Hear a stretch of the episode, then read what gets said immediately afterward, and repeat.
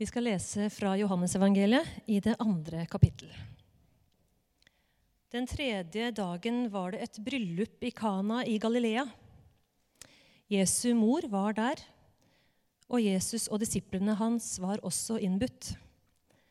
Da tok vinen slutt, og Jesu mor sa til ham, 'De har ikke mer vin.' 'Kvinne, hva har du med mitt å gjøre?' sa Jesus. 'Min time er ennå ikke kommet.' Men hans mor sa til tjenerne, 'Det han sier, skal dere gjøre.' Nå sto det noen vannkar av stein der, slik skikken var etter jødenes forskrifter om renselse. Det var seks kar, og hvert av dem tok to eller tre anker. Fyll karene med vann, sa Jesus. Og tjenerne fylte dem til randen. Øs nå opp og bær det til kjøkkenmesteren, sa han. De bar det til kjøkkenmesteren. Og han smakte på vannet som var blitt til vin.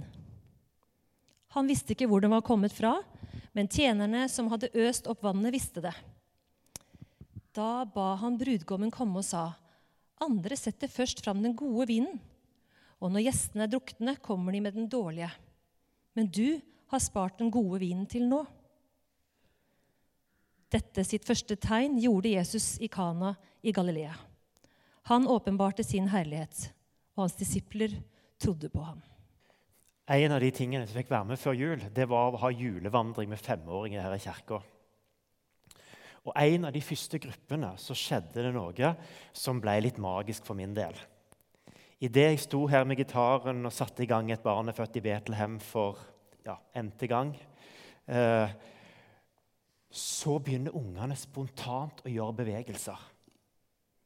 De har hatt det her med tegn til tale i barnehagen, og plutselig så er de på en måte der i et barn er født i Betlehem og halleluja. Og det var, det, var, det var, bare sånn, Jeg var ikke forberedt på det. Så det å stå her, så sitter en måte, lille Maria eh, der med Jesusbarnet, og så begynner alle ungene å gjøre disse bevegelsene. Og så er det med å gjøre tydelig hva det betyr at Jesus virkelig er født i Betlehem. Og jeg tror det er noe av det jeg drømmer om nå, når vi skal inn i Johannes evangeliet. Det er nettopp det der med noe som kan gjøre det tydelig for oss hvem Jesus er og at Jesus virkelig er en del av vår, vår hverdag. Johannes han sier det sånn på slutten av evangeliet sitt. Så sier han det at eh, Jesus gjorde også mange andre tegn for øynene på disiplene. Tegn som det ikke er skrevet om i denne boken. Men disse er skrevet ned for at dere skal tro at Jesus er Messias, Guds sønn, og for at dere ved troen skal ha liv i hans navn. Tegn og Det er det første jeg legger merke til. Johannes han liker ikke under.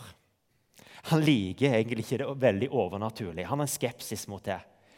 Uh, han, det eneste plassen han bruker tegn og under sammen, er egentlig når han kritiserer folket. Dere tror ikke uten at dere ser tegn og under. Men dette er tegn. Det er tegn som viser, gjør tydelig hvem Jesus er. Ikke vær så opptatt av det overnaturlige og under i det, men se hva det sier om Jesus. Der er Johannes tegnet. Og Så begynner han litt i det store. Og Johannes han liker store ord, og det har vi hørt på første juledag. I begynnelsen. I begynnelsen. Og hva tenker vi da når vi hører 'i begynnelsen'? Jeg er iallfall tilbake til første Mosebok. I begynnelsen skapte Gud himmel og jord. Og der begynner Johannes evangeliet. En ny begynnelse. Han sier noe om at det som skjer nå, det henger sammen med Guds plan for hele skaperverket. Og så fortsetter han, og ordet ble menneske og tok bolig blant oss. Og vi så hans herlighet, den herlighet som den enbårne sønn har fra sin far, full av nåde og sannhet.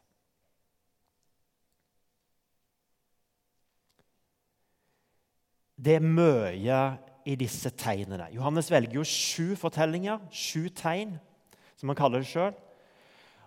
Men det er jo egentlig det som er mellom tegnene, som jeg ofte husker når jeg tenker jeg har lest Johannes evangeliet.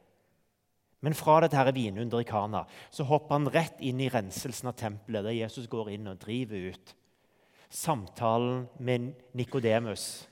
Du må bli født på ny, for så høyt har Gud elsket verden. Samtalen med den samaritanske kvinne det er en ny tilbedelse. Det er ikke tempel i Jerusalem lenger. Nå er det tilbedelse i ånd og sannhet, fordi Gud er til stede i vår hverdag. Det er der tilbedelsen er. Og Så fortsetter han med å si at Jesus erstatter renselsesritualene med å plassere dette underet inn i disse renselseskarene. Han sier at Jesus erstatter høytidene. Og For en jøde så er det klart at dette er bare så, måte, så overveldende å forholde seg til. At det er, det er det de tenker når de hører disse tekstene. De første som leste Johannes evangeliene, de så bare hvordan Johannes gang etter gang viser hvem Jesus er, fordi han erstatter alt det jødiske. Alt det som var bygd fram gjennom Det gamle testamentet. Nå er det Jesus det gjelder. Og en, en ivrig bibelleser vil ha glede av å måte, gå inn i alle de der tingene der. Så det er masse å glede seg over for den som har lyst til å dykke ned i Johannes evangeliet. Men jeg opplever at det, det gir meg ikke så mye tegn. Det var kanskje tegn for jødene, men tegn fra disse øyenvitnene. Og når Johannes plukker ut disse sju tegnene, er det mulig å leite en annen plass, lurer jeg på, i forhold til å finne hva dette kan bety for oss i dag? Og min vei, den begynner litt med kommentaren til Maria. Og jeg ser for meg Jesus sitt svar. 'Mor, jeg hadde ikke akkurat tenkt at jeg skulle bli kjent for den gode vinen.' 'Jeg er jo kommet for å frelse verden.' Det var ikke akkurat god vin jeg hadde tenkt å bli kjent for.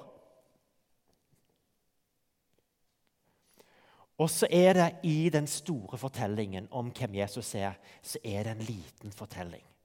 Og det er den som jeg blir nysgjerrig på. Den lille fortellingen. Johannes. Hvem er Johannes?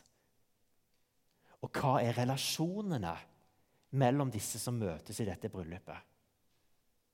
Hvorfor? Hvorfor blander Maria seg inn i det at de ikke har nok drikke?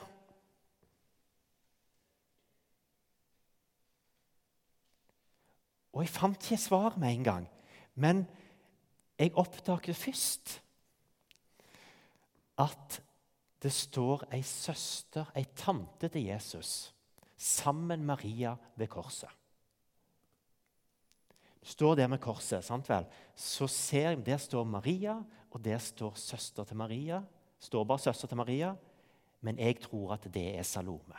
Jeg gjetter på at det er Salome, mor til Johannes. Og det betyr at Johannes og Jesus er søskenbarn. Og Kirkefedrene på 200-300-tallet de tror dette. Så jeg har, hentet, jeg har ikke bare sugd det helt fra eget bryst. Men jeg, jeg syns det er litt spennende å se. Og Hvis jeg kan få lov til å dra den enda lenger Hvis vi tenker en helt naturlig forklaring på at Jesus ber Johannes om å ta ansvar for Maria når Jesus dør og Da tenker Jesus ikke bare på at han skal dø og stå opp igjen etter tre dager. Men han tenker på at når han står opp igjen, så er det en ny virkelighet. Da er Jesus måte, den som er blitt forklara. Da er han ikke måte, det samme mennesket som han var. Han skal ikke gå tilbake og ta ansvar for familieforpliktelsene som han har levd med i 30 år. I år 33 så har han behov for å gi det ansvaret videre, og han gir det til Johannes. Og gir han det til Johannes fordi at det er søskenbarnet til Jesus? Eller gir han det til Johannes fordi at Johannes er svoger? Vi vet ikke. Men det at Maria har ansvaret i dette bryllupet, kan hun rett og slett være mor til bruden. At det er Jesus' søster som gifter seg. Og Vi vet jo det med søskenbarnekteskap har vært vanlig i andre kulturer, selv om vi synes det er litt rart i dag. Tenk om det var sånn! Da er det jo Johannes sitt eget bryllup som han trekker fram som det første tegnet på hvem Jesus er. Og så tenker jeg det der med at Jesus ble ikke bare født inn i en kjernefamilie. Han ble født inn i en slekt. I 30 år har han vært del av ei slekt. Med tanter og onkler. Og jeg lurer på hvor er besteforeldrene til Jesus? Hvem var de? Hvem er disse her som står rundt?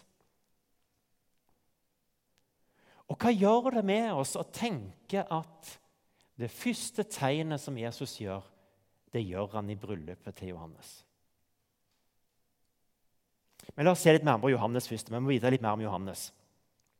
Johannes, fiskersønn. Sebedeus og Salome, foreldrene. Han har en eldre bror som heter Jakob, som også blir en av apostlene, disiplene til Jesus. Jakob og Johannes. Han er disippel til døperen Johannes. Og Selv om han ikke sier navnet sitt, for det Johannes han, han liker litt indirekte, så tenker jeg det er han og Andreas som står der med Jesu dåp når døperen Johannes sier 'Se der Guds lam som bærer verdens synd'. Og Det gjør at de to fra den dagen bestemmer seg for at de skal ikke følge døperen Johannes lenger, de skal begynne å følge Jesus. Og De går etter ham, og de blir sammen med ham den dagen. Og begynner å bo sammen med Jesus. Og så kommer bryllupet. Jeg har en liten fordom om Johannes. Jeg må, ta, med, ta, med, den. Jeg vet ikke om dere har det.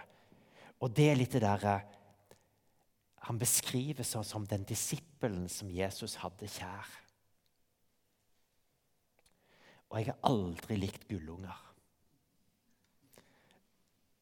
Og jeg har alltid mislikt når jeg sjøl ble lærerens gullunge av og til opp gjennom skolegreiene. Og liksom den følelsen av å være gullunge det, det, nei, det, det, var noe veldig beklemt med å bli plassert i en rolle liksom, å være den skikkelige. liksom. Og, nei, og Seinere i livet òg. Jeg har aldri likt gullunger. Og Derfor så har jeg litt sånn, litt sånn skepsis mot Johannes på det der, den disippelen som Jesus hadde kjær. Men fins det en annen forklaring enn at han var gullunge?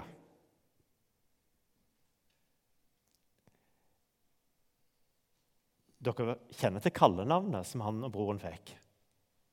Tordensønnene.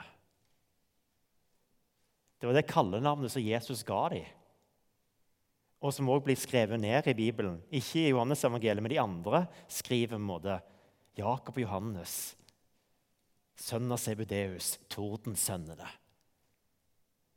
Og det sier noe om at det var to karer som hadde temperament og som kunne være ganske direkte.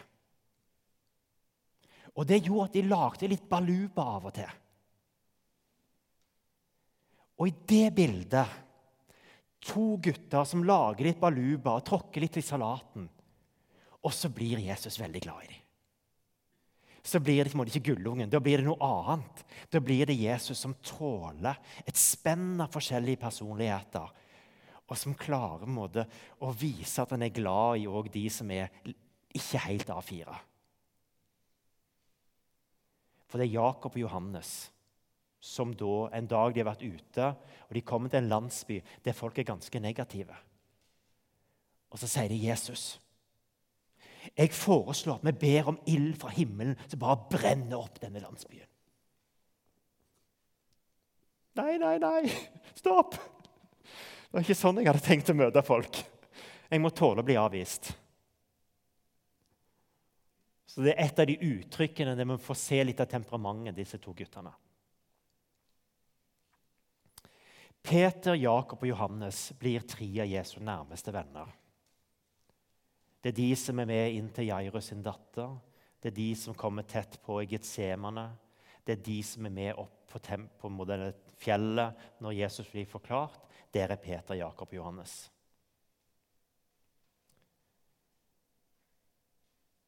Johannes har skrevet Johannes evangeliet, første, andre og tredje Johannes brev og Johannes' åpenbaring. Og Ifølge historien så er, høres det ut som om Johannes' åpenbaring kommer først. For Han blir hen, henvist eller forvist til Patmos. Alle de andre disiplene til Jesus ble jo martyrer. Og så blir han benåda rundt år 100 eller noe sånt, og vender da tilbake til Efesus. Og det påstås at han har vært med å starte sju menigheter i det området rundt Efesos og blir til slutt biskop for et område der på sine gamle dager. Ni, jeg tror hun ble, Ifølge tradisjonen hun ble 96 år gammel. eller noe sånt. Hun ble i hvert fall en gammel mann. Så det er litt noe vi vet. Fiskersønn og Jesu disippel. Og så er det han, da, som etter alle de andre har skrevet sine evangelier, sitter ned og skal prøve å oppsummere hvem Jesus var. Og så velger han sju underfortellinger. For det er jo det det er. Alle de andre evangeliene kaller det jo for under. Men han sier jeg vil ikke kalle det for under, jeg vil kalle det for tegn. Tegn som viser veien til hvem Jesus er.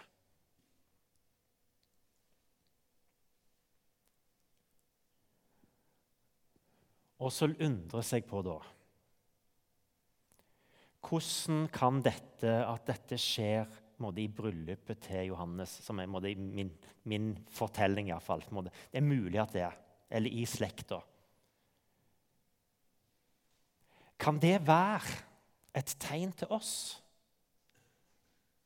på at Gud virkelig ønsker å vise oss sin godhet? gjennom det som skjer i livet. Sin omsorg, sin godhet. Om to uker så kommer fortellingen, det andre tegnet, som handler om sykdom og nær død og alt det som er trist og vanskelig. Det kommer om to uker. Og det har jeg heldigvis fått ut til Kjetil Vestel Haga, som er rektor på Bibelskolen, så han skal komme og tale på den. Jeg er ikke helt klar til å gå inn i den. Da begynner jeg bare å grine. Eh, så det får komme litt etter hvert. Jeg skal gå inn i det med Jesus. Men tenker det, det er tid for å grine, og jeg kjenner at jeg kan ikke stå her og grine hele preika. Eh, det kan jeg ikke. Så Derfor så er jeg litt mer på jakt etter Guds godhet. Og òg når livet er vanskelig.